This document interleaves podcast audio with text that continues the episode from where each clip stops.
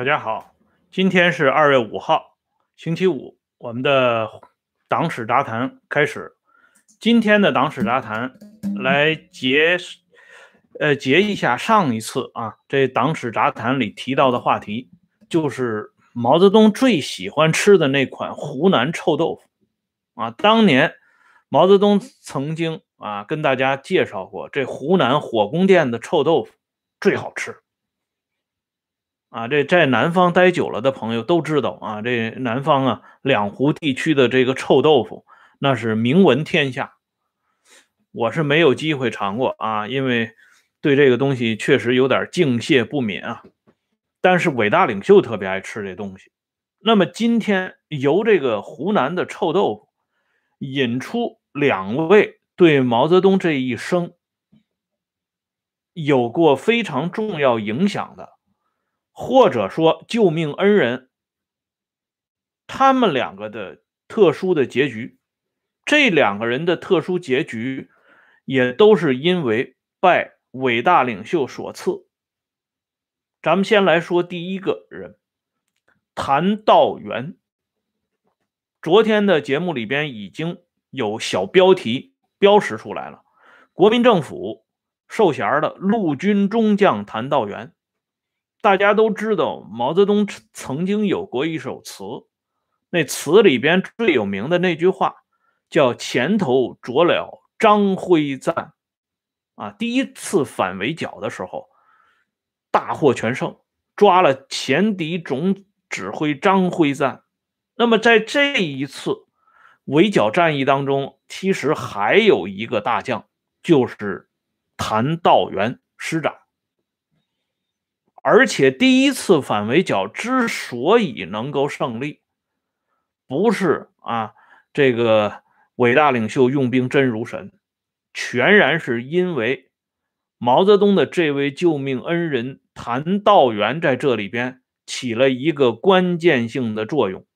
谭道源之于毛泽东，类似于范石生之于朱德，张学良之于周恩来。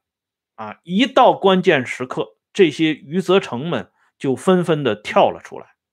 咱们先来说这谭道源，谭道源跟毛泽东的关系很深，毛对谭道源非常尊敬，一口一个谭大哥，叫的非常的亲。毛泽东到北京的时候啊，囊中羞涩，没有钱，穷学生嘛。这个时候啊。他就找到谭道源，说：“能不能谭大哥周济我一点钱？”谭道源一看毛泽东张嘴了，要知道那个年代的民风还是挺醇厚的，特别是这湖南啊，特别重视这个乡里乡亲、同乡之谊，更何况谭道源还是毛的学长，所以谭道源。自己拿了八十块现大洋，又同朋友拆借了二十元现大洋，一共凑了一个整一百块现大洋给毛泽东，说这钱你拿上啊，这个离家万里路上说不定有这种那种的情况，这钱呢也不算特别多，但能帮你度过一时的难关，一百块现大洋不算少了。当时毛到北京以后，当那个图书馆的那个管理员才挣八块钱，所以他拿到这谭道源这一百块钱，毛泽东啊，千恩万谢，他对谭道源很感激，而感激谭道源的事情还在后边。第一次反围剿前后，毛泽东就已经打听出来了，谭道源是围剿部队的主力人。所以毛就给谭道源写了一封亲笔信，这是谭道源的后代讲的。如果不是他们家后代说这个事儿，还真没有人知道伟大领袖曾经给敌军的高级将领写过这么一封亲笔信。这封信呢，谭道源晚年还能背诵下来，因为这信就在他手里。这信呢，写的呃。主要的意思就是一句话：这个同是超歌，相煎何急啊！本是同根生，相煎何太急。就这意思，就说谭大哥，咱们是哥们儿啊。当年咱们什么关系啊？眼下虽然政见不同，可是你带着人马这么追我，把我给逼到绝路上，那咱们兄弟难道就这么就结束了吗？关系？我刚才说了，在那个时代，民国时代，特别是一些旧军人，谭道源也好，范石生也好，他们身上还有着那么一丁点的人性啊，讲究一点这个。啊，朋友之谊，同乡之谊，所以他拿到毛泽东这封信以后，谭道源告诉部队放慢脚步，甚至是停止追击。由于谭道源部没有合力的配合张辉瓒，结果让张总指挥孤军深入，最终呢？做了毛手下的败将，并且给抓住之后，把脑袋给砍掉了。而谭道源一直保留毛泽东当初给他写的这封亲笔信，直到后来，啊，一九四六年谭道源去世。这谭道源去世的时间非常有意思，要不说。有的人是生逢七十，有的人呢也是死逢七十。谭道源死的时间就非常好，正好卡在一九四六年，因为一九四七年国共两党就大打出手了，大决战了。开始，谭道源作为曾经的国民政府的陆军中将，你说他是应该站在国民党一边呢，还是应该站在共产党一边呢？如果他站在国民党一边，那就不用想了啊。那站在共产党这一边，如果他再多活二十年，活到了公元一九六六年，那谭道源的结局可就难说了。哎，因为历史上我们知道，汉高祖刘邦当初被人家追的啊无路可逃的时候，他也曾经要求项羽手下一个叫丁公的人高抬贵手，放我一马。这丁公呢，真的就放了汉高祖刘邦一马。结果刘邦称帝以后，把这丁公给找来了。这丁公傻呵呵的，还以为皇上要谢他呢。结果汉高祖当众啊，让人把这丁公给绑出去，砍了头了。刘邦就说：“这丁公他给项羽打工，他不忠于项羽，反而把项羽手下的头号心腹大患给放跑了。这种人能留吗？”必须搞掉啊！所以谭道源会不会做了啊？如果他活得久一点，会不会做了上个世纪的丁公？那也未可知。咱们就说谭道源拿到的毛泽东的这封亲笔信，这封信一直都留着。谭道源去世以后，这封信在老谭家还保持了二十年的历史。可是到了公元一九六六年，文化大革命爆发以后。这人就到谭道源家里去了，什么东西都不拿，就拿这封信。而且人家就知道他们家这封信放在什么地方，这都是谭道源的后代讲的啊。这封信拿到手以后，人家波澜不惊，人马戾气散去，这封信永久的销毁在历史长河当中了。所以咱们就想想。一封亲笔信，尚且遭遇到如此的结局。如果咱们的谭大哥要是活到了一九六六年，他本人是个什么样的结局呢？哎，这恐怕只有天知道。这是一层。那么连着谭道源的故事的另一头，就是这湖南的臭豆腐。这谭道源有个远房表姐。他们家经营的这臭豆腐店非常的有名气，人家这卤汁儿是几十年不换的，啊，用这个卤汁儿做出的臭豆腐，啊，这湖南当地的这些知识分子，包括这些贩夫走卒们，那都是流下口水啊。其中流口水流的最厉害的，就是两个，一个呢是杨开慧的亲爹杨怀忠老先生，也是咱们伟大领袖的曾经的岳父。再一个就是咱们伟大领袖自己了。他这个臭豆腐的制作呢，啊是有专门的介绍啊。他首先是他的那个坛子特别啊，上头呢盖一个大碗，周边呢浇上水，阻断空气进入坛子。坛里的卤汁儿呢，从来不倒，啊，一卤就是几十年。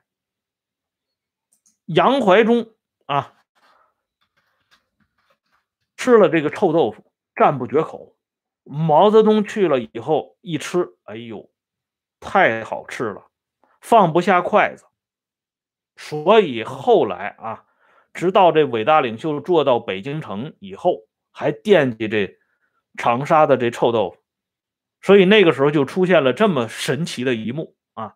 每个星期三，湖南省公安厅都有专人专车到这家臭豆腐店来取当天做好的臭豆腐，然后。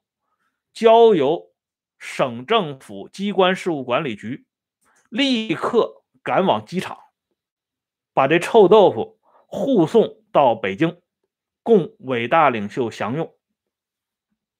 就这么一个段子啊，就说伟大领袖吃的这臭豆腐，这湖南臭豆腐，他说的火宫殿的臭豆腐，跟那个大家理解那臭豆腐，它不是一个概念。就人家这套程序，你一般老百姓，你想都不用想，你有那个待遇吗？湖南省政府机关事务管理局去你们家，啊，湖南省公安厅给你们家啊这个臭豆腐保驾护航，怎么可能呢？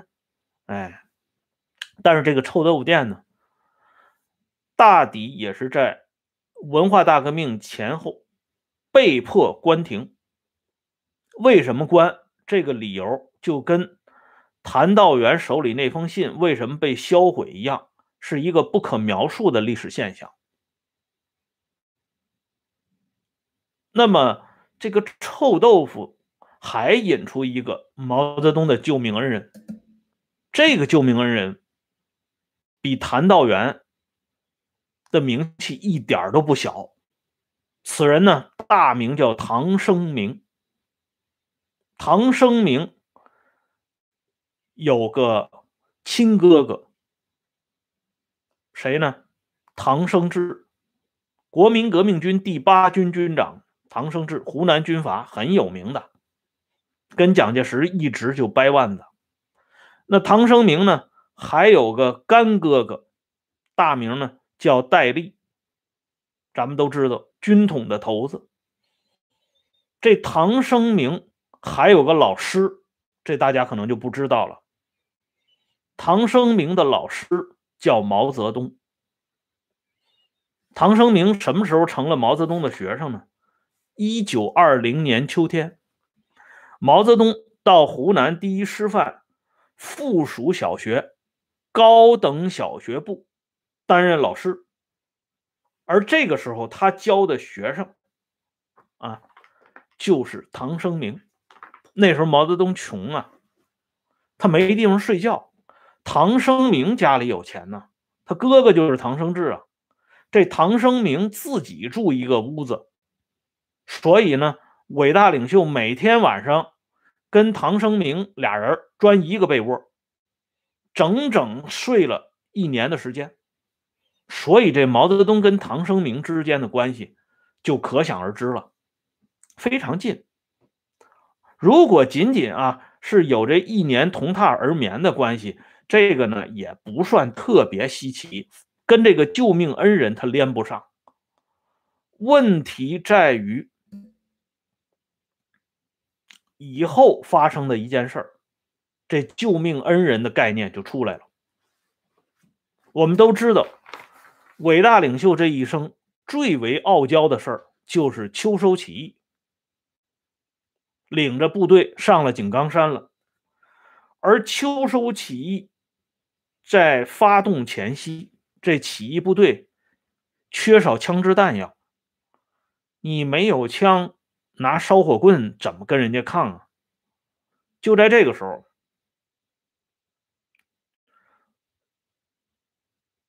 有人就利用黄埔同学的关系，请唐生明帮忙。话就说了，说毛泽东现在需要一批枪支弹药。干什么？唐生明一听也知道，那肯定不是啊，看电影用啊，那肯定是要干大事儿。唐生明二话没说，送给毛泽东步枪三百多支，子弹近万发，这么一批枪支弹药，帮了秋收起义部队的一个大忙。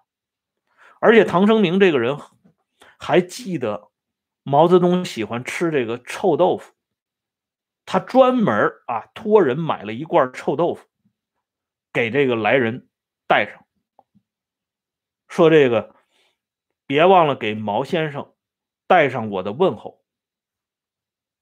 又有一段时间，好几年不见了，所以伟大领袖在一九五六年的时候听说。唐生明还滞留在香港，没有回来。他就让周恩来打听情况，说看一下唐老四什么时候能够回来。后来呢，周恩来又做了一番工作，唐生明在咱们恩来同志的工作之下，终于决定带着自己的漂亮的老婆，那位民国有名的电影明星徐来，回到北京。回到北京之后，毛泽东摆家宴，带着江青请唐生明、徐来夫妇吃饭，而且当场毛泽东批给唐生明四万元人民币作为安家费。要知道啊，一九五六年四万元人民币跟今天四个亿也差不多呀，而且那个时候没人听说谁有四万块钱啊，今天听谁说有四个亿不奇怪。有钱人多吗？但那个时候家里四万元人民币，那真的是一笔天文数字啊！江青当场还跟唐生明半开玩笑的说：“啊，就是说他让唐生明叫他一声师母。”这唐生明呢不知可否，两下吃饭吃的非常高兴啊！这伟大领袖呢对自己的这位救命恩人。终于可以利用他活着的时候来报答了，先给了四万元人民币安家，然后呢，到了一九六八年又送了一份大礼给唐生明，这大礼太大了啊！这大礼大到什么程度呢？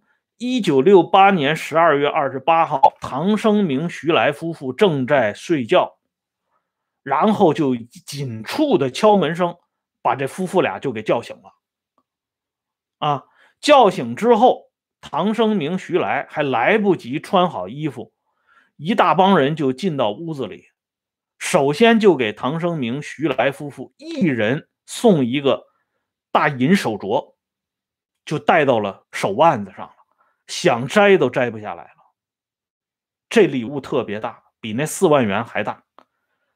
接下来，唐生明、徐来夫妇是如何受到啊？伟大领袖和文化旗手江青的报答的呢？这个故事咱们留待明天接着说。感谢朋友们上来收看和支持啊！欢迎大家关注“温相说时政”会员频道，每天都有更新。我们明天接着聊，再见。